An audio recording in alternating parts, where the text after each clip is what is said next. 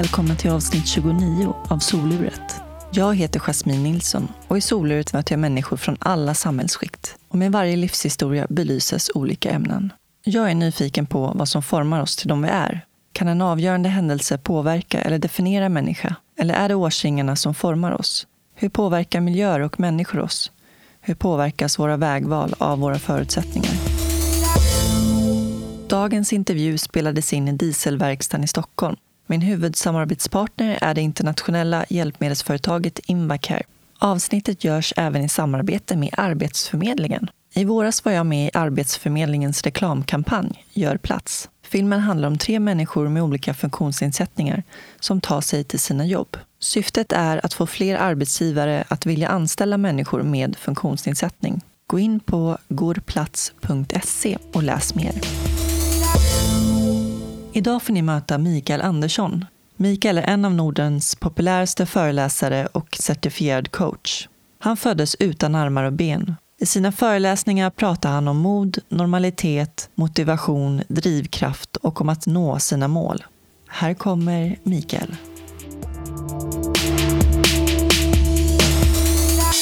Så, ja men eh, det känns som att vi är på plats nu. Ja, det verkar så. Känns det bra? Ja. Välkommen till soluret. Micke, får jag säga Micke? Ja, Det känns liksom naturligt på något sätt. det får du gärna göra. Hur mår du? Jag mår bra, tack. Hur mår du? Nu mår jag bra när jag får sitta här med dig och snacka. Vad snäll du är. Du har ju kört långväga Ja, men det gick bra. Från Göteborg, där du bor. ja, i Västra Frölunda. Och så kom jag hit till dig. Imorgon ska jag göra ett jobb i Saltsjöbaden och eh, på lördag i Malmö. Och vad ska du göra? Föreläsning. Vad är det bästa med att föreläsa? Det är att få möta publiken tycker jag. De ger tillbaka så mycket. Annars, annars tror jag inte att jag skulle orka riktigt. Om man inte fick tillbaka så mycket energi och så mycket värme och så mycket kärlek. Så att eh, ibland kan det kännas tungt. Man ska göra ännu ett jobb. Men sen glömmer man snabbt bort det när man står framför de här människorna. Jag känner med dig. Ja, vad bra. Kan du berätta var du kommer ifrån? Jag är uppvuxen i Örebro och när jag var 25 år så flyttade jag till Göteborg och har levt där sedan dess. Och du föddes den 14 maj 1964. Ja, du har gjort din research. Ja, jag så gott jag kan. Vad vet du om din födsel? Jag vet så pass mycket att eh, man var inte medveten om att någonting hade skett under graviditeten. Så att det blev en väldigt kaotisk situation, en panik i det här förlossningsrummet som mamma har berättat lite grann för mig om. Då. Och eh, mamma fick inte veta så mycket då utan de sprang ut med mig så fort det var möjligt. Och sen fick hon väl något dygn eller två senare kännedom om att jag föddes utan armar och ben. Och varför vet man inte riktigt? Då hade man ingen aning om varför. Läkarna sa bara att sånt sker. Det finns en, en viss risk att sådant kan ske. Men efter några år så började mamma och pappa misstänka att det var dioxin, alltså hormoslyr som spreds i skogsbruk och jordbruk. Bekämpningsmedel. Ett bekämpningsmedel ja, som mamma exponerades för under tidig graviditet. Och jag tänker, alltså det har väl, svenska staten har avvisat detta. Ja, Och vad beror det på? De hänvisar till många saker, att eh, det inte finns något samband och så hänvisar de till en gammal, gammal rapport som skrevs 1971, vilket jag tycker är väldigt märkligt. Jag vill ju hävda att det finns vetenskapligt samband mellan dioxin och fosterskador och Världshälsoorganisationen, WHO, har, har bekräftat det. Men svenska staten väljer att, eh, att inte se det utan avvisar. Mitt påstående, det jag har gjort är ju begärt upprättelse och, och även eh, skadestånd. Men allting är avvisat ifrån svenska staten minst två gånger. Och de hänvisar dessutom till att det är preskriberat. Okej. Så eh, hur ser riskerna ut idag då för att foster kan bli skadade på grund av det? Ja, hormoslyr är ju förbjudet sedan 1977 i Sverige. Men det finns ju andra medel med dioxin. Och jag läste senast nu för någon vecka sedan i Frankrike så föddes det barn med extremitetsmissbildningar där man inte visste varför. Men när man började titta närmare på det så fanns det eventuellt bekämpningsmedel som användes i det här området. Och man började misstänka att det kunde finnas ett samband där. Mm. Så att 54 år senare så sker det igen. Mm. Det är tragiskt att det ska behöva vara så. Det är fruktansvärt tragiskt och det är ju människor det här handlar om. Det är barn det handlar om. Och eh, jag kan inte förstå att man låter det gå så långt. Att, att man inte lyssnar, att man inte gör någonting. Du föddes på 60-talet och på den tiden så var det lite, det var ett speciellt förhållningssätt till barn som föddes med, med missbildningar. Vad hände efter förlossningen? Ja, mamma och pappa uppmanades ju att inte ta kontakt med mig för att de, läkarna trodde inte att jag skulle överleva och än mindre få ett värdigt liv som de uttryckte det. Då. Så att mamma och pappa uppmanades att lämna bort mig till sjukvårdens omsorg då och institution. Och så sa de direkt till mamma och pappa att glöm bort honom och så skaffa ni ett nytt barn istället. Mm. Och um, mamma och pappa de kämpade emot det. Det är jag väldigt tacksam för idag. De tog den här kampen och de kämpade för att få hem mig. De fick nog även kämpa för att få vårdnaden om mig, tror jag. För det hade de inte ens från början. Men hur är det möjligt? Ja, jag vet inte riktigt, men det var vad mamma berättade. Och, Ah. Men det, det tog eh, lång tid innan de vann den kampen. Men jag fick komma hem när jag var ett år till slut, permanent. Och då har du varit på sjukhus fram tills dess? Ja. Och eh, enligt vad mamma har berättat då, så sa läkarna och sjukvården att det är det bästa för Mikael, att han får den bästa vården. Så att det fanns ju inga elaka avsikter med det. Men det var ändå ett enormt misstag menar jag. Jag var ju frisk. Ja, precis. Kan du beskriva din funktionsnedsättning? Ja, jag har korta armar, eh, kanske ja, 7-8 centimeter långa. Och eh, korta ben. Mitt högra ben är lite längre. Så när jag sökte ett nytt pass och frågade om min längd, då sa jag 1,20 på höger sida. Tyckte hon var jättekul. Så jag har korta ben också. De är kanske 10, ja, 15-20 centimeter långa. Men du kom hem, när du var ett år fick du komma hem. Mm. Hur såg de första åren ut? Ja, det var ju en vanlig barndom. Vi bodde i lägenhet i början och sen kom min syster Marie ganska snart, 15 månader senare. Men när jag var runt 4-5 år så byggde mamma och pappa en villa i ett, ett område söder om Örebro. Och då flyttade vi ut dit och samtidigt som många andra familjer också byggde sina hus i samma område med barn i samma ålder. Så där fick jag växa upp. En fantastisk miljö. Trygg, härlig miljö med människor som naturligtvis undrade vad som hade hänt med mig. Men mamma och pappa berättade och förklarade och svarade på frågor.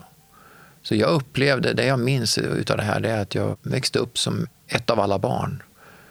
Jag var accepterad, jag var inkluderad och eh, de gjorde allt för att jag skulle kunna hänga med. Jag gjorde allt som alla andra barn gjorde, fast på mitt eget sätt. Jag tänker på de första åren. Hur gick det för dig? Hur gick utvecklingen? Liksom, med tanke på att du hade andra förutsättningar. Jag utvecklades väldigt snabbt. Jag lärde mig att rulla på marken för att förflytta mig. Och eh, mamma och pappa uppmuntrade mig till att röra mig och jag övade på att hålla balansen och sitta upp. Till slut så lyckades jag sätta mig upp själv och även förflytta mig på rumpan. Och jag blev aldrig hindrad från det av mina föräldrar. Däremot så var det ett väldigt starkt inflytande från sjukvården som ständigt avbröt och trängde sig på och började prata om proteser tidigt. Då skulle man inte förflytta sig så. Det var inte så min framtid skulle se ut utan jag skulle både ha armproteser och benproteser för att förflytta mig och för att använda i vardagen. Min reflektion idag är ju att det var väldigt starkt fokus på normalitet, att hur, det, hur det borde se ut, hur det alltid har varit. Och på det sättet så bromsades ju många gånger min egna utveckling för att jag blev hela tiden avbruten. Mm. Hur var det då? Det var ju hård träning. Det, ja, det, var, var, det var, inte bara ja. testa om det funkar utan de hade redan bestämt. Vi var maktlösa. Det var det här som var alternativet, det enda som man skulle satsa på. Det gjorde ont. Ja, det kan jag verkligen tänka mig. Det var ju en lång process att bara ta fram dem med gipsavgjutningar och åka till ett annat sjukhus för att få det här. Sen skulle man prova ut dem och de skavde och sen skulle man träna med dem. Och de var ju bara i vägen. Så att, och benproteserna var väl ännu värre, att det var ännu mer komplicerat. Och i början var det ju stela ben. Sen efter ett tag så blev det ju knäleder och det blev ännu mer ja, komplicerat och riskabelt med en knäled när man går med två stycken benproteser. Ja, jag kan, det är svårt att beskriva, men det var, mm. för ett barn var det väldigt svårt att förstå. Ja, och så tänker jag att man samtidigt vill leva upp till allas förväntningar också. De vuxna säger att det här är bra för mig, ja men då får jag väl göra så gott jag kan utav det. Jo, det gör man ju. Man, man får ju höra att man är duktig när man tränar och övar. Och samtidigt så är det ju en enorm konflikt in i skallen att det här känns ju inte rätt. Det här fungerar ju inte och jag vill ju göra på det här sättet för det känns mer naturligt. Det var svårt. Och det var ju tidigt, jag var ett år. Jag hade inte ens fyllt ett år när de började. Med proteserna? Mm. Herregud. Så det är jobbiga minnen måste jag säga. För att det, det, var ju jobbigt för mamma och pappa också. Såklart. De var ju... De lyssnade ju på läkarkåren. Det var en annan auktoritet på den tiden. Läkarna var halvgudar. Och det läkaren sa, det gällde. Så de hade ju svårt, trots sin tveksamhet och sina tvivel kring detta, så, så var de tvungna att ändå följa de här råden och rekommendationerna. Mm. Ja, men jag tänker som förälder så har väl man någon föreställning om att de vill ens barns bästa på något sätt? Ja, det trodde de ju och var övertygade om samtidigt som de ju såg att det inte fungerade. Nej. Det var ju väldigt konfliktfyllt även för dem, tror jag. Hur länge höll du på med de där proteserna? I över 14 år. 14 år? Ja. Så de stal min barndom ifrån mig för att, för att göra mig normal. Det, det är eh, någonting jag... Jag är oftast ganska ödmjuk, men det här är jag riktigt förbannad på. att Man får inte göra så. Man får inte köra över människor. Man får inte ta makten över människor utan att fråga om lov när man inte vet vad man håller på med.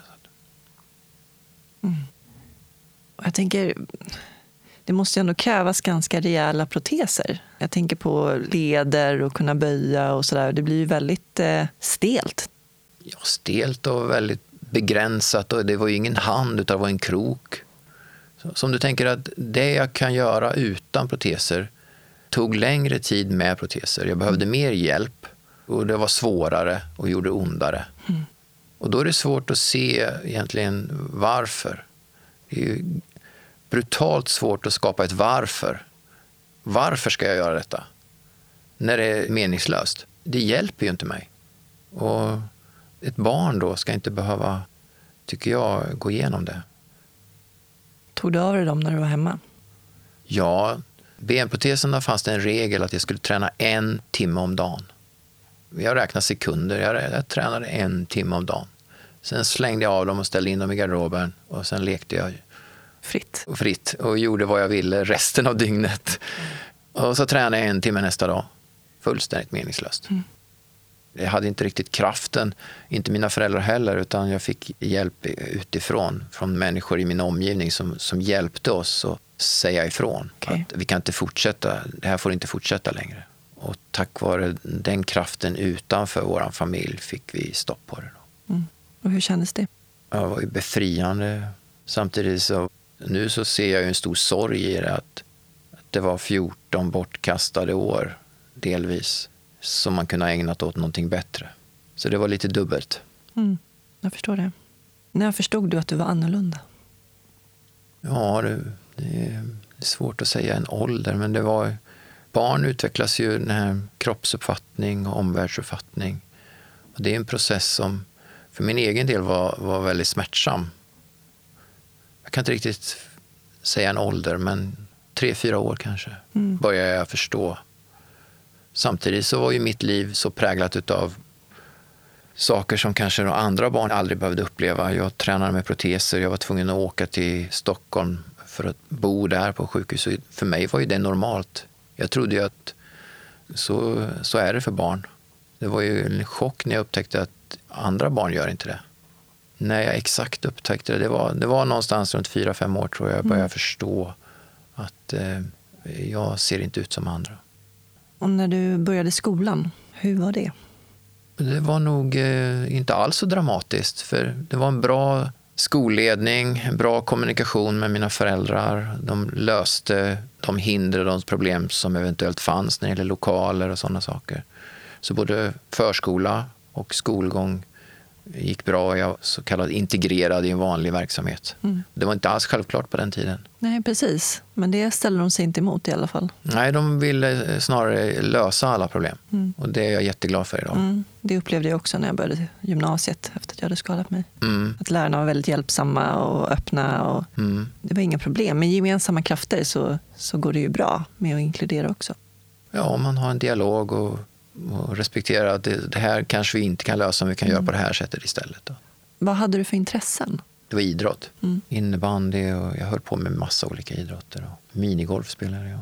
Och jag fick ett bra kompisgäng där, så det umgicks mycket med dem. Men det uppstod ju problem även där. Mm. Det var aldrig någon som var dum, alltså medvetet elak eller som utestängde mig, utan det var mer en okunskap som gjorde att jag inte kunde delta. Just det. Så det är viktigt att säga så, att det, problemen fanns där, men det var aldrig någon som, som hindrade mig. Det var jag, snarare jag själv som hindrade mig.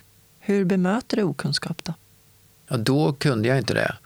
Jag önskar idag att jag hade kunnat vara lite mer öppen då och sagt att ja, det här behöver jag. Kan man få ett förtroende hos någon som man kan få hjälp då? Några år senare kom jag dit. Då, då hade jag några få kompisar som kunde hjälpa mig då, som förstod. Då hade vi blivit lite mer vuxna då. Och då kunde jag hänga med på ett annat sätt. Så det var en, en ljusning. Vad fick du för bemötande från dina kompisar och sådär? Det var aldrig några fördomar? Det upplevde inte jag, utan snarare att de gjorde vad de kunde för att inkludera. Men det tror jag kan bero både på dem, naturligtvis, deras värderingar och deras öppenhet, som jag upplevde det, men också hur jag var. Att jag var beredd att ta mina smällar ibland och inte hade några krav på att de skulle vara några små assistenter åt mig, utan det var både ge och ta. Fantastiska kamrater som eh, ja, bemötte mig precis som vem som helst annars. Var jag dum så fick jag höra det. Ja. Och var jag ännu dummare så fick jag mig en smäll ibland. Så att, ja, det var som kompisar ska vara. På lika villkor? Lika villkor, samma rättigheter, samma skyldigheter. Och när vi idrottade och spelade olika lagsporter så självklart så visade de hänsyn, men aldrig överdrivet. Mm. De tog viss hänsyn mot mig för att jag kanske satt lite längre ner och lite mer risk att jag fick en slag i ansiktet. Så de tog det lite försiktigare. Men inte så att det blev larvigt. Men du var med på gympan? Ja, det blev stopp där när jag var 10-11 år när jag började få problem med och det du pratade om, det här med att förstå att man är annorlunda. Och då, då blev ju skillnaden mellan mig och kompisarna blev så väldigt tydlig. Och då, då skapades det problem hos mig, inte hos någon annan. Utan det var jag själv som, som sa stopp. Då. Jag ville verkligen inte vara med längre, trots att jag älskar idrott. Då. För att jag skämdes att, för att jag såg annorlunda ut. Då. Och upplevde att jag alltid var sämst på allting. Mm. Och hur hanterade du det då? Inte så bra.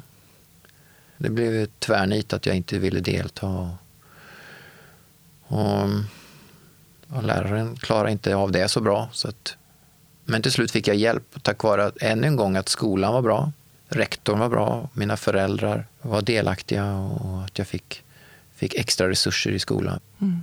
Och det jag reflekterar över det, det är att det var kanske mer viktigt och mer allvarligt än vad folk kanske förstod. För att om ingen hade reagerat utan låtit mig sitta bredvid och inte delta och istället skylla på omständigheter och, så är det lätt att det blir ett mönster i livet. Att man, man märker att jag har en funktionsnedsättning, då kan, jag, då kan jag undvika vissa saker. Jag kan slippa vissa saker om jag inte vill. Och det, att sitta bredvid och titta på är, det är inte bra tycker jag. Nej. Så tack vare det så, så blev jag delaktig igen. Och jag upplever att mitt liv handlar mycket om att vara delaktig. Att inte tillåta mig själv att sitta bredvid och titta på när det här livet passerar. Utan jag vill, jag vill vara med. Det är väl den inställningen som också har gjort att du ändå lever ett vanligt liv som alla andra. Det är väl en stor del av det. Men det var inte självklart. Nej. Du kom ju ut med din bok 2009. Armlös, benlös, men inte hopplös. Fantastisk titel, helt underbar. Ja. Var det du som kom på den? Nej, det var min fru, Ja. Kristina. Okej. Hon ska ha cred för det. Och jag tycker att den, den beskriver det bra, vad, som, vad den innehåller. Ja, där skriver du en hel del just om eh, Eugeniahemmet. Hur ofta var du där? Jag var ofta där. Från början, från ett års ålder, så var det också längre perioder. Jag tror att det kan vara upp till två månader ibland som man levde där ensam. Och eh, Att det, då fick ju inte föräldrar bo på sjukhuset med barn så som det är idag. Utan oftast var det min pappa som lämnade mig. Och, och sen fick han åka hem igen och hämta mig några månader senare. Vad var syftet? Syftet var att träna med proteser. Ja. Vilket vi redan har konstaterat att det var fullständigt meningslöst.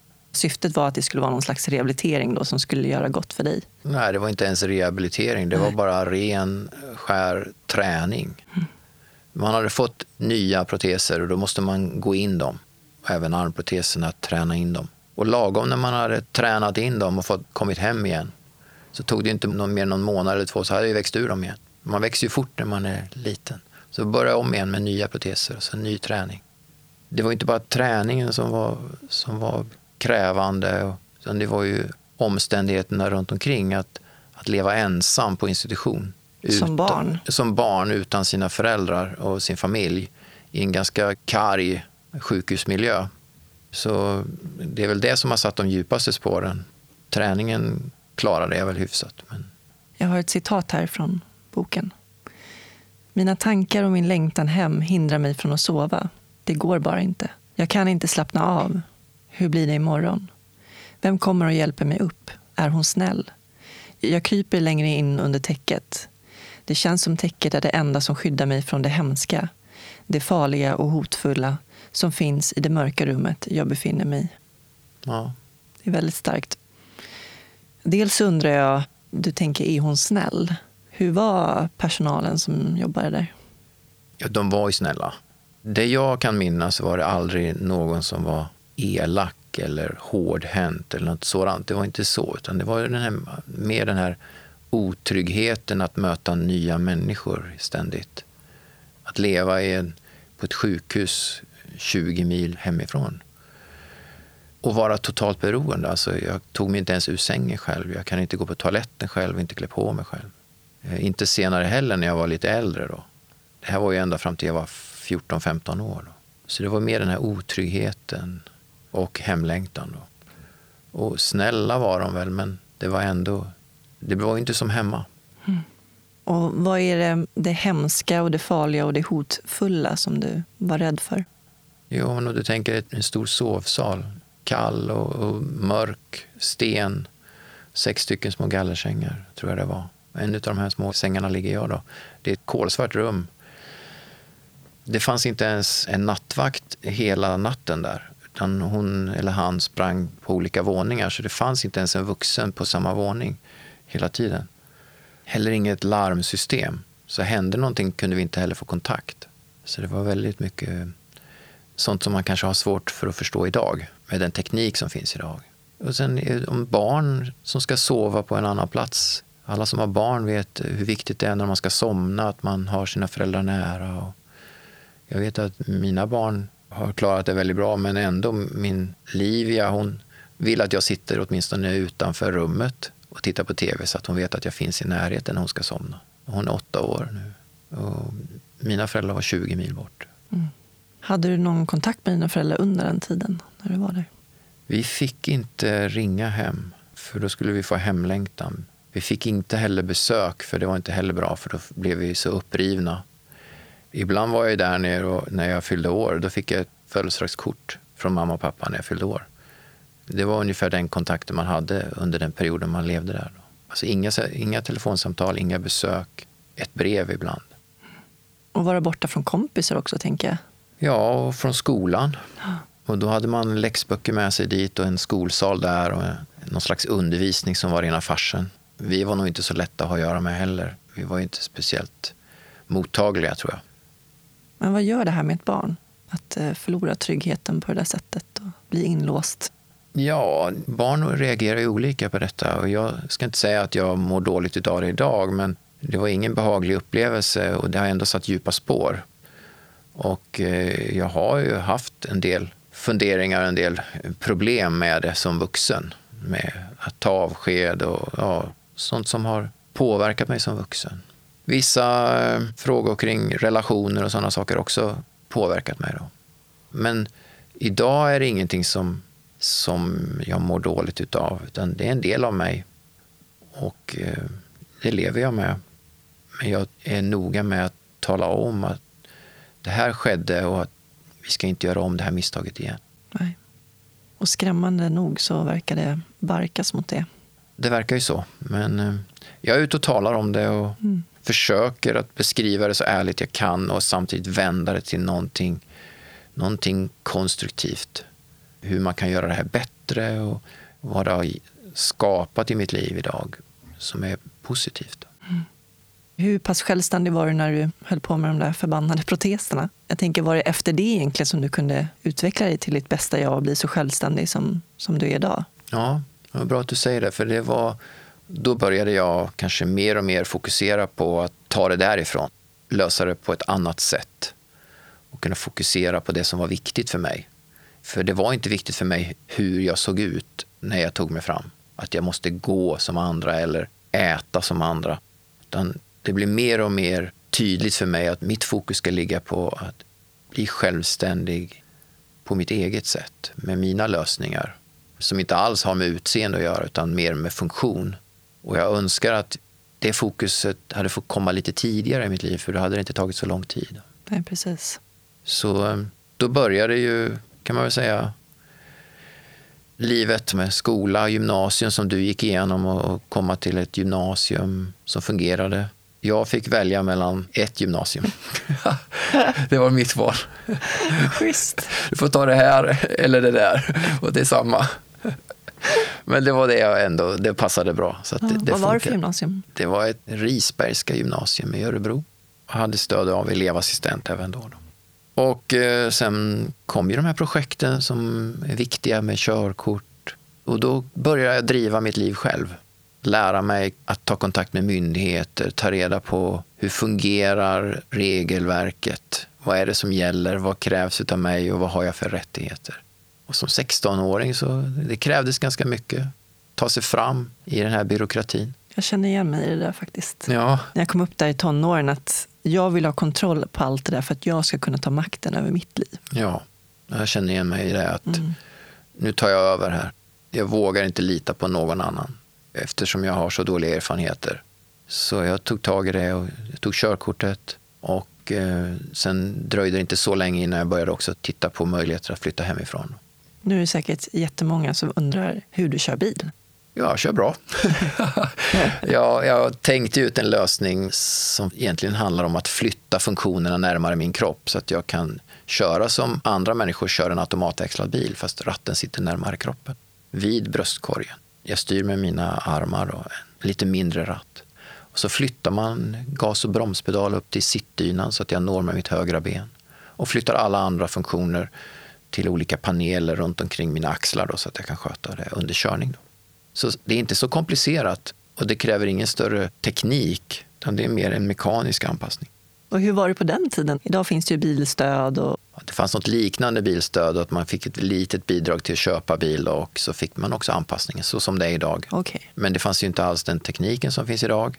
Utbildningen skedde, det fanns två platser för mig att utbilda mig, antingen i Skåne eller i Dalarna.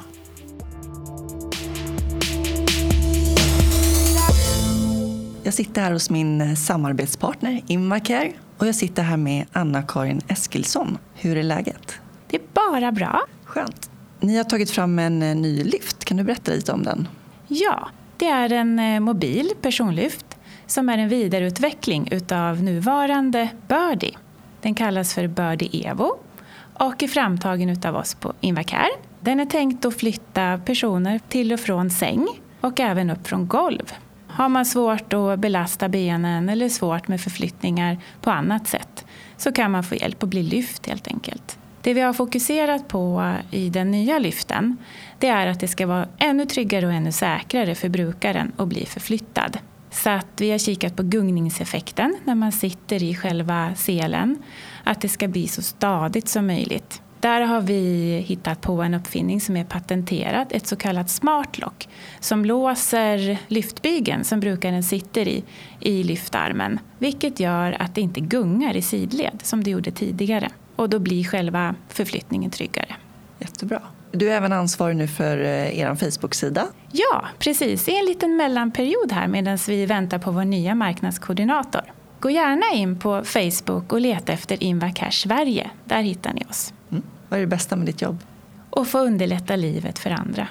Tack så mycket för att jag fick prata med dig. Tack så mycket Jasmine. Ha en bra dag. Detsamma. Hej då. Hej då. Den här perioden mellan 10 och 15, hur var de åren? Ja, det var, Hur tog det vidare? det var ju inte, det var inte bara ljust och inte bara mörkt. utan Det är svårt att beskriva det med ord. Det var, vissa dagar var det fantastiskt och andra dagar var det katastrof. I och med att vissa dagar kunde jag inte följa med. Jag kunde inte delta. Så som jag upplevde något senare, 16, 17 i alla fall, års ålder, så upplevde jag mig instängd i min egen kropp. Alltså, det var en kropp jag inte ville ha. Att leva med en kropp som inte, som inte fungerar i den här verkligheten, i, den här, i det här samhället. Jag kunde inte ta mig fram. Det fanns inte rullstolar som fungerade. Antingen var den för stor för att ta sig in i en lokal. Men jag kunde ta mig dit, men jag kunde inte ta mig in.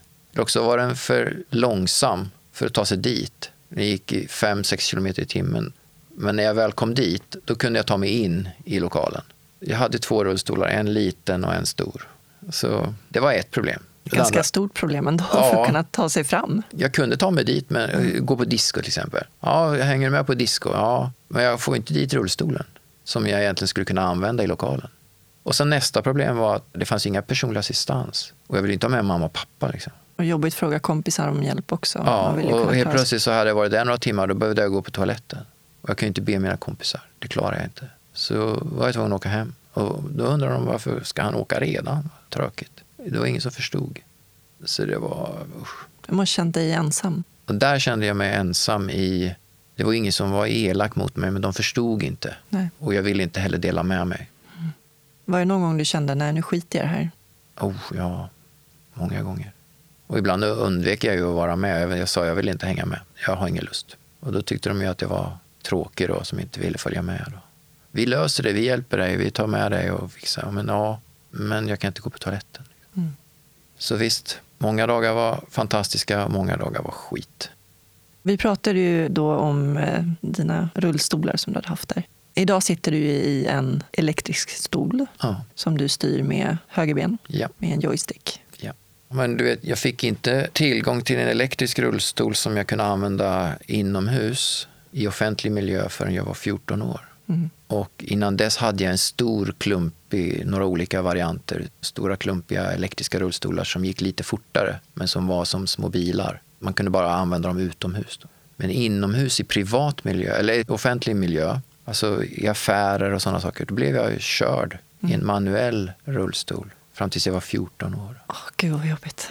Om man återkopplar då till det här med protesen, om man hade ägnat bara en hundradels tid, kraft och pengar, energi åt att utveckla en rullstol istället åt mig lite tidigare. Det var det enda jag ville, kunna, kunna förflytta mig själv, oberoende av andra. Ja, men när jag var 14 så fick jag en, en rullstol som jag kunde köra in i, i offentlig miljö. Då. Vad upplevde du för bemötande då ute i samhället när du kunde röra dig fritt? När du fick din elstol? I de kretsar som jag rörde mig i så var det fantastiska människor, mina kompisar och runt omkring. Det var ett samhälle som inte alls var så öppet som det är idag. Det fanns kanske fördomar i en högre grad än vad det är idag. Och det kunde komma fram människor och säga väldigt, väldigt klumpiga saker. Kanske i all välmening, men ändå övertramp. Erbjuda mig pengar eller välsignelse eller att de undrade vad mina föräldrar hade gjort för synder för att de skulle få ett sånt straff som jag. Ooh. Och eh, det gjorde ju ont, speciellt om det var kompisar med då, att få, få höra sådana saker. När jag var mindre, yngre, så kunde jag inte bemöta det. Jag bara lät det vara. När jag blev äldre, i gymnasiet och lite äldre där, så betedde jag mig väl inte så trevligt alla gånger heller. Jag bad ju folk flyga och fara. Men jag tycker att man får inte säga vad som helst. Men hur förhåller du dig till fördomar idag?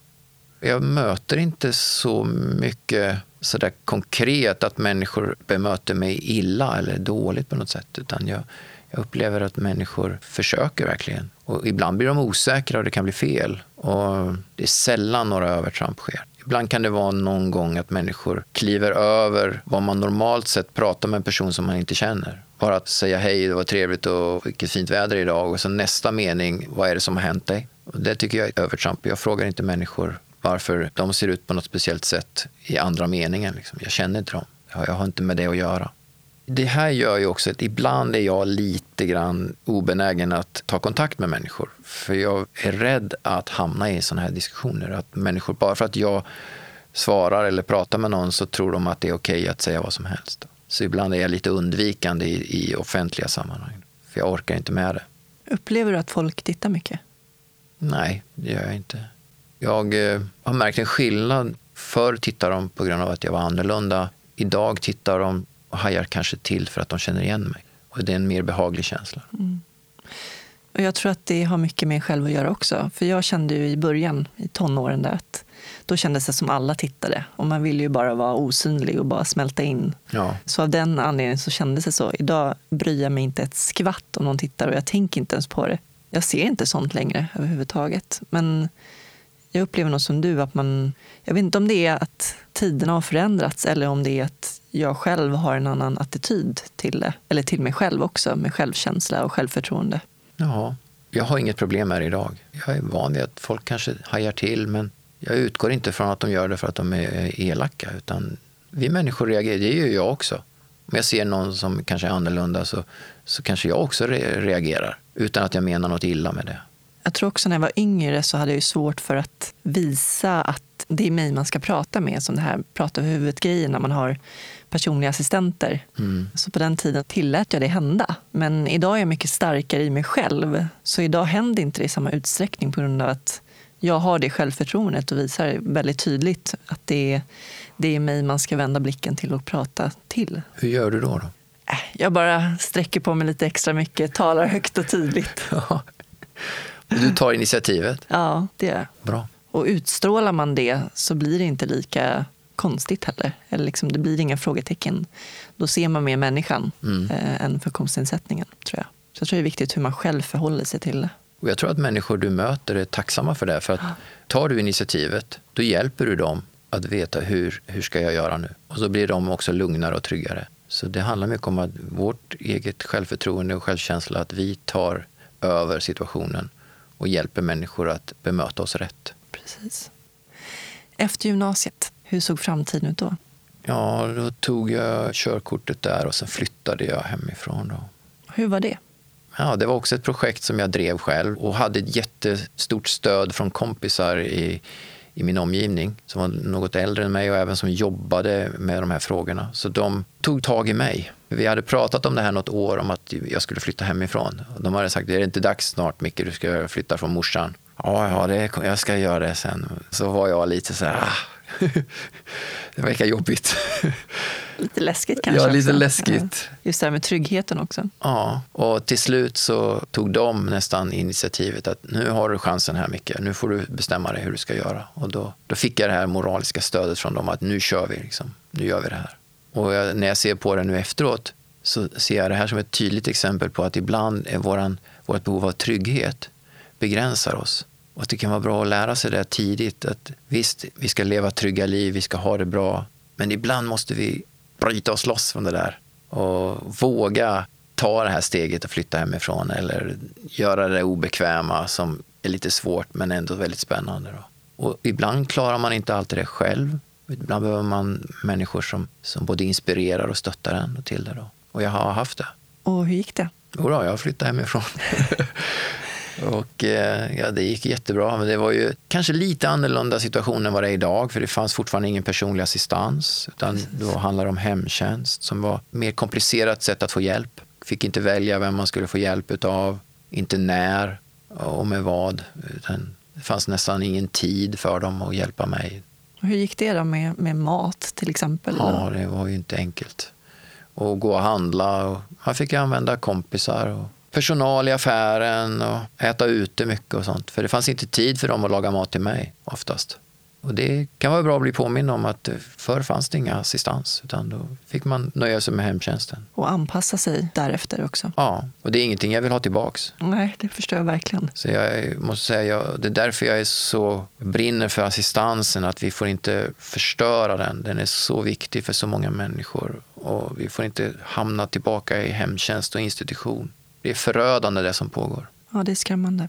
Jag kan inte föreställa mig ett liv utan personlig assistans och vara beroende av hemtjänst. Ja, det, är, det är fel på människorna där, utan det är systemet. Mm. Människorna, gör, de som jobbar och sliter där och gör ju fantastiska insatser men det är ju, systemet fungerar ju inte för en människa som vill, som vill välja själv och som vill ha ett fritt liv så som, som vi vill ha det. Då fungerar inte hemtjänst. Berätta om ditt eh, första jobb. Ja, det var tack vare idrotten så fick jag börja arbeta som idrottskonsulent inom Örebro läns handikappidrottsförbund, som det hette på den tiden. Idag heter det Parasport. Just det. Och där var jag konsulent och jobbade med min bästa kompis Janne. Och vi var konsulenter tillsammans där. Vi jobbade med föreningarna i länet. Vi jobbade med rekrytering, tävlingar, utbildningar. Vi hade fantastiskt kul ihop där. Så gränserna mellan arbete och fritid suddades ut. Så att, eftersom jag idrottade mycket själv också i en av föreningarna så, så blev det idrott dygnet runt. Och när kom den personliga assistansen in i bilden för dig? då? Det kom inte förrän 94. Ja. Och då hade jag flyttat. Efter sex år så slutade jag på handikappidrotten och så flyttade jag till Göteborg. Då. Och hur var det? Ja, det är nog bland det, det svåraste jag har gjort. På vilket sätt? Att släppa tryggheten. Det här vi pratade om, ja. att trygghet begränsar. Jag upplevde att jag behövde någonting nytt i mitt liv. Jag var inte riktigt nöjd med mitt jobb och att jag utvecklades inte längre. Och jag tänkte, ska jag, ska jag vakna här på soffan när jag är 40 år? För då var 40 år, då var man urgammal tyckte ja. jag då. ska jag vakna här är 40 år och göra samma sak och leva i samma lägenhet? Nej, jag måste bryta mig loss från detta för att det ska hända någonting. Och eftersom jag då hade träffat Kristina, min fru, och vi var tillsammans men levde på olika orter. Då. Hur träffades ni? Vi träffades eh, på en orienteringslandskamp i Göteborg, i Västra Frölunda, när vi skulle möta Norge. Okay. Och jag var med i landslaget i handikapporientering. Och Kristina var en av funktionärerna i den arrangerande föreningen. Då. Och där möttes vi första gången och sen utvecklades det till att vi sen blev tillsammans. Och sen så blev det på mitt initiativ att jag flyttade till Göteborg inte, jo, det var väl kanske mest för Kristinas skull, men jag var också medveten om att det kan ta slut. Men att jag ändå ville göra någonting nytt. Då. Och det här var en chans jag hade att bryta mig loss. Då. Så jag flyttade 89 då, i maj till en lägenhet i östra delen av Göteborg. Då. Och vad var det nya då som du ville göra? Det var inte bara det nya, det var mer att jag ville inte göra det gamla. Ja. det var mer det. Vad som helst, men inte det. Vad började du med? Jag var ju tvungen att ha en lägenhet och så var jag tvungen att ha ett jobb. Det var inte helt enkelt med funktionsnedsättning. Och jag kommer jag ringde till hon som jobbar med bostadsförmedling där i Göteborg. Det fanns där på den tiden. Och så sa jag, hej, jag heter Mikael, jag måste ha en lägenhet. En handikapplägenhet måste jag ha. Jaha, var bor du nu då? Ja, jag har en handikapplägenhet i Örebro. Ja, men då behöver du ingen, du har ju redan en sån. Ja, men jag ska ha en i Göteborg, så Jaha, flyttar ni? Kan man göra det som handikappad? Ja, precis. Så att efter många om så fick jag ju då tag på en handikapplägenhet och sen var det jobb då. Och då utövade jag utpressning mot en arbetsgivare eh, som jobbade med bilanpassning. Så att jag skulle ju anpassa en ny bil. Okay. Och han ville så gärna ha det jobbet. För det var mycket pengar i den anpassningen. Mm. Då sa jag till honom, du får jättegärna anpassa den. Jag skriver på här om, om jag får ett jobb. Bra där. Då anställer du mig. Så, så att, på det sättet så, så fick jag ett jobb också.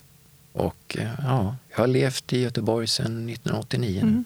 Och idag har ni fyra barn? Fyra barn, ja. När blev du pappa första gången? När jag var 30, 1994, kom Sara. Och eh, ja, det är också kanske den största förändringen i livet. Det är nog den största förändringen någonsin att bli förälder. Och eh, ja, den starkaste personen i det, det är nog Kristina som fick ta mycket mera ifrågasättanden, frågor, kommentarer och en del skit också.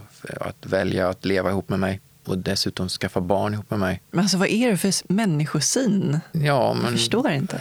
Det, är, men det finns ju människor som, som upplevde att de var väl måna om Kristina då, att det blir tufft för henne. Att, om de då upplevde mig som också beroende av hennes hjälp dygnet runt, vilket så var ju det ju inte. Vi försöker ju dela på det så mycket vi kan. Men som Kristina sa vid något tillfälle att vi gör det vi är bra på. Hon gör det hon kan och jag gör det jag kan för att bidra till, till vår gemensamma familj. Hur mycket personlig assistans har du? Det har ju blivit neddraget sen tidigare här, men jag har så att jag klarar mig just nu. Och som gör att Kristina inte behöver jobba så mycket externt. Och eh, jag har möjlighet att få en viss extern hjälp. Men jag kan inte, om man säger resa och ha assistent med mig, det räcker inte till det. Men det blev positivt för då får jag resa ensam. Då lärde jag mig det. Blev tvungen. Hur har dina barn förhållit sig till dig och din funktionsnedsättning? Har det haft någon betydelse på något sätt? Ja, de måste ju också på något sätt förhålla sig till det och kanske anpassa sig delvis till det. Men det är inte så att de tvingas leva ett svårare eller annorlunda liv eller att de blir små assistenter för mig utan att de vill det. Jag är noga med att vill de hjälpa mig vid något tillfälle får de gärna göra det, men de är aldrig tvungna till det. Nu kan du ju inte svara för dem, det är ju svårt. Men eh, jag är bara lite nyfiken på, när förstod de att eh, du inte var som alla andra papper? Jag vet inte, det kommer ju också ungefär samma, runt fyra, fem års mm. ålder. Det, det kommer ju frågor. Jag vet att de ibland tog tag i min arm och lyfte upp och tittade om det fanns någon annan arm under ja. det kanske eventuellt. när de var små. Och frågade lite grann. Och, och de visar ju också ibland att de struntar i att använda händerna utan de äter mackan direkt med munnen som, som jag gör, som pappa gör. Och det är ju inte för att de måste utan för att de tycker det verkar spännande att testa det som pappa gör. Ja. Så visst, de ser, reflekterar och tänker och efter ett tag så är det inget mer med det. Hur lever du ditt liv idag? Ja, jag lever som en, en vanlig egen företagare som är väldigt fritt, styr min egen tid, reser en del, har väldiga förmåner att få vara mycket med familjen, finnas hemma, kunna jobba hemifrån. Så jag lever ett fantastiskt liv och har tagit igen mycket av tiden som jag kanske missade när Sara var liten. För då jobbade jag som anställd och gjorde karriär och fattade inte alls att jag faktiskt tappade hela Saras barndom i princip genom att jobba istället. Vilket jag ångrar idag. Men jag är glad att jag insåg det efter ett tag och inte gjorde om samma misstag igen med alla de tre andra. Den. Varför tror du att du gjorde det då? Varför var det liksom så starkt driv att jobba och satsa på karriär? Dels var jag tvungen för att tjäna pengar. Och sen är ju det här pannbenet, du vet, jag vill prestera, jag vill visa att jag minsann kan. Jag tror du känner igen det, det här att det finns ibland tvivel hos människor. Kan du verkligen klara det här jobbet? Och jag vill visa att jag kan göra det och jag kan göra det lite till också. Exakt. Och då går det överstyr ibland. Jag jobbade för mycket och, och försummade Kristina och försummade familjen. Och det var inte någon katastrof, så jag var inte borta jämt. Men jag, det var inte rätt varken mot Kristina och Sara eller mot mig själv. Men jag har gjort om och gjort rätt nu. Hur förhåller du dig till prestation idag? Jag kan ju känna att man alltid måste vara lite bättre än alla andra. ja, jag, jag känner igen mig i det. Jag har ju svårt med att, att göra någon mellanmjölk. Liksom. Medium gillar inte. Den, det är som när jag tränar. Jag har jättesvårt att göra ett lagom pass. Idag ska jag göra ett litet lagom pass. Då blir det ingenting av det istället. Men däremot när jag, ah, idag ska jag göra rekord. idag ska jag göra det jag aldrig gjort förut. Yes, då kör vi. Då är det hur kul som helst. Jag behöver den här utmaningen. Ja. Jag är så väl medveten om det. Jag tycker det är så dumt. För att ibland kan man köra lagom pass. Det kan vara bra för kroppen. Men jag har svårt för det. Och det är väl likadant med jobbet. Jag vill göra det lite bättre än bäst. Mm. Men det kan ju vara en bra egenskap ibland också. Det verkar så i alla fall. Men du pratar mycket om att eh, krossa hinder och se möjligheterna. Men vilka hinder idag är det som gör dig mest frustrerad?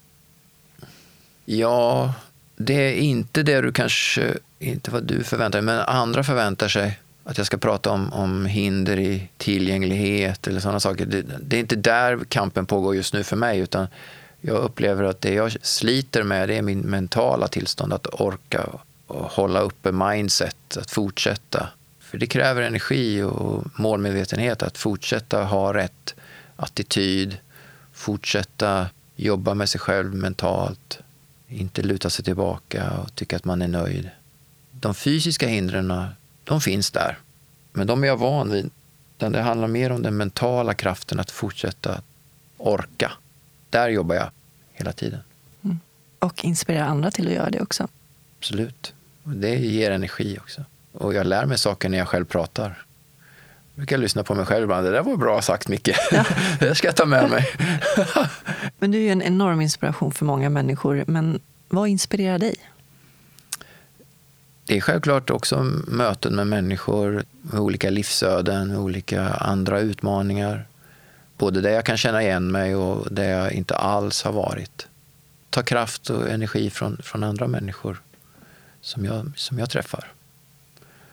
När man träffar dig och när man träffar människor med kanske har råkat ut för sjukdomar eller andra kriser i livet. Så, eller som har gjort någonting fantastiskt, antingen inom idrott eller inom näringsliv. Att ta del av det och höra hur tänkte du då? Hur gjorde du? Hur orkar du?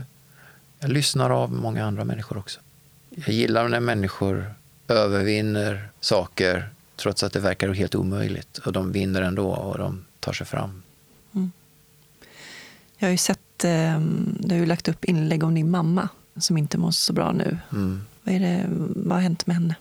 Hon har fått Alzheimers sedan ett antal år tillbaka. Då, så att jag och min syster Marie tog beslut om att flytta henne från Lindesberg till eh, Göteborg för ett och ett halvt år sedan.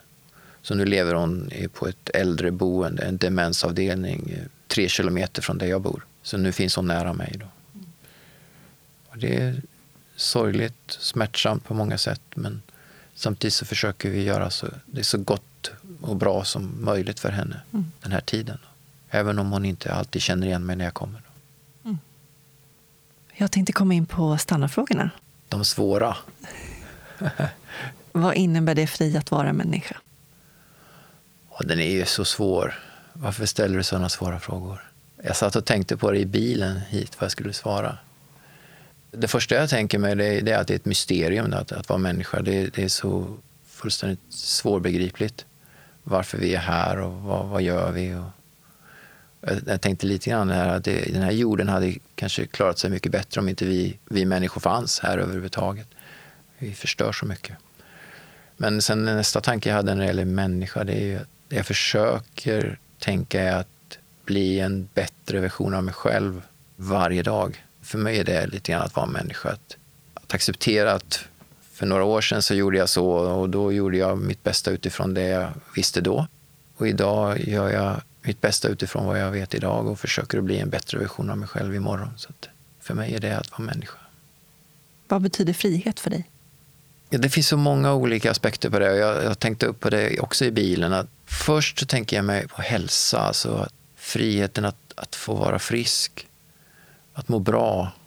Självklart förstår jag och respekterar människor som, som kanske har sjukdomar som ändå känner sig fria. Och det är inte så att jag säger att människor som är sjuka inte är fria. Men för mig personligen så, så är hälsan viktig för att känna mig fri. Och sen tänker jag på tidsfrihet. Att det är också viktigt för mig att jag har en begränsad tid och att jag, jag har möjligheten idag att spendera den med så mycket kvalitet som möjligt. Att jag själv styr min tid till stora delar, både när det gäller arbete och familj och privat. Så det är också en frihet. Och så ekonomisk frihet, att man, man kan arbeta och inte vara beroende av bidrag eller andra saker. Det är också en slags frihet. Så det är förmåner, alla de tre sakerna. När grät du senast? Jag har blivit väldigt så känslig när jag tittar på tv-program. Och jag såg senast något program om jag tror det var en, en familj där barnet hade drabbats av cancer. Och då grät jag för att den kampen slutade med att cancern vann. Och det var så oerhört ledsamt och känslosamt också, för jag har ju själv barn. Och att se den familjen, vad de gick igenom, då grät jag lite.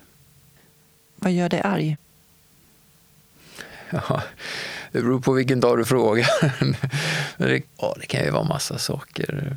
Ibland kan det faktiskt vara orättvisor. Att jag tycker att jag försöker slå det ifrån mig ibland, för det, livet är inte rättvist och livet är inte smärtfritt. Men jag måste ändå få säga att det, det är inte alla dagar man går igenom med högt huvud och enorm kraft, utan ibland måste man få sjunka ihop lite grann och tycka att livet är skit. Så ibland kan, man, kan jag faktiskt uppleva att livet, att jag blir förbannad på att vissa saker inte blir som jag vill. Jag blir arg när, när människor är onda, skadar andra människor eller skadar djur eller ja, gör skada. Jag blir arg. Det är så onödigt, så meningslöst. Vad gör dig lycklig? Ja, min familj gör mig lycklig och mina barn framför allt. Självklart. Det är det som ligger mig varmast om hjärtat. Jag blir lycklig när jag föreläser ibland. Jag njuter av det. Man får den här kontakten med publiken och man känner att jag gör skillnad. Det är också en slags lyckokänsla. Och så är jag lycklig när jag, när jag tränar. När jag gnäller och ett träningspass till, då säger jag till mig själv, Micke, du ska vara glad att du kan träna. Du har ingenting att skylla på. Så det gör mig lycklig. Och vad drömmer du om? Jag drömmer om att eh, få fortsätta föreläsa ett tag till. Samtidigt som jag kan utvecklas inom andra områden, lära mig nya saker och också göra massa spännande saker privat som vi kanske inte haft möjlighet att göra tidigare. Som vad då? Resa mer och sen min motorcykel ska jag ha snart. Spännande. Eh, Det är min, den här 50-årskrisen som alla vet om nu. Ja. Men det är viktigt för mig, kanske inte bara motorcykeln, utan att, att ha drömmen, att inte släppa den drömmen. För det, det finns en väldig energi i den och väldig kraft i att ändå få ha en dröm, även om den inte är verklighet än. Det är viktigt att få drömma, tycker jag. Hur kommer den vara anpassad? Vet du det? Ja, ja jag, har, jag har redan tänkt ut. Ja, såklart. Det är inte så viktigt. Det viktiga är att jag får köra den bara så, så fort som möjligt. Och så ska jag låta håret fladdra i vinden. Ja, ja. Det kommer bli kallt. Det kommer bli väldigt kallt. Yes. Jag har några snabba frågor här också, antingen eller-frågor. Oj, oj, oj. De är svåra, Ja. tunga grejer. Kaffe eller te? Kaffe, Bok eller film? film, Kött eller grönsaker? kött, Planering eller spontanitet? planering. Se eller höra? Oj, svårt. Jag överraskad att säga höra då. Ljus eller mörker? Ljus, Fort eller långsamt? fort, Lyssna eller prata? lyssna. Tack så jättemycket Micke för att du delade med dig av din livshistoria. Tack för att jag fick komma hit. Jag rekommenderar varmt att läsa Mikaels bok Armlös, benlös men inte hopplös där han berättar om sin livshistoria mer ingående och om kampen mot rådande värderingar och synsätt. Det är en ärlig och stark bok som alla borde läsa. Soluret har en hemsida, soluretpodd.se. Där kan ni lyssna på alla intervjuer och eh, även komma i kontakt med mig. Ni kan också mejla mig på kontakt soluretpodd.se. Dela gärna med er av era reflektioner och tankar kring intervjuerna. Jag blir så glad av er feedback. Tack till min huvudsamarbetspartner Invacare. För mer information om Invacare och deras produkter kan du gå in på invacare.se. Avsnittet görs även i samarbete med Arbetsförmedlingen. När jag skulle söka jobb för första gången hade jag med en helkroppsbild till mitt CV och jag fick väldigt liten respons. Jag undrade såklart varför. Sen tänkte jag att det kanske var rullstolen som skrämde. Därför ändrade jag bilden till en ansiktsbild. Då fick jag helt plötsligt jättemånga svar. Om ni vill anställa fler grymma människor med ovärdeliga erfarenheter tycker jag att ni går in på gorplats.se. Där kan du som arbetsgivare få tips och råd om hur du kan berika din arbetsplats med mångfald. Nästa avsnitt, gott folk, är säsongsavslutning och då får ni möta Charlotte Sjöberg.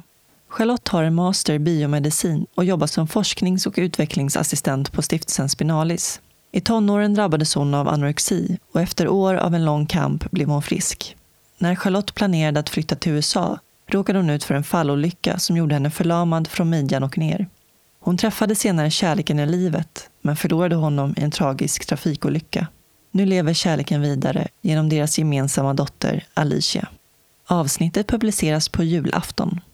Med tanke på dagens gäst avslutar jag med ett citat av Stephen Hawking.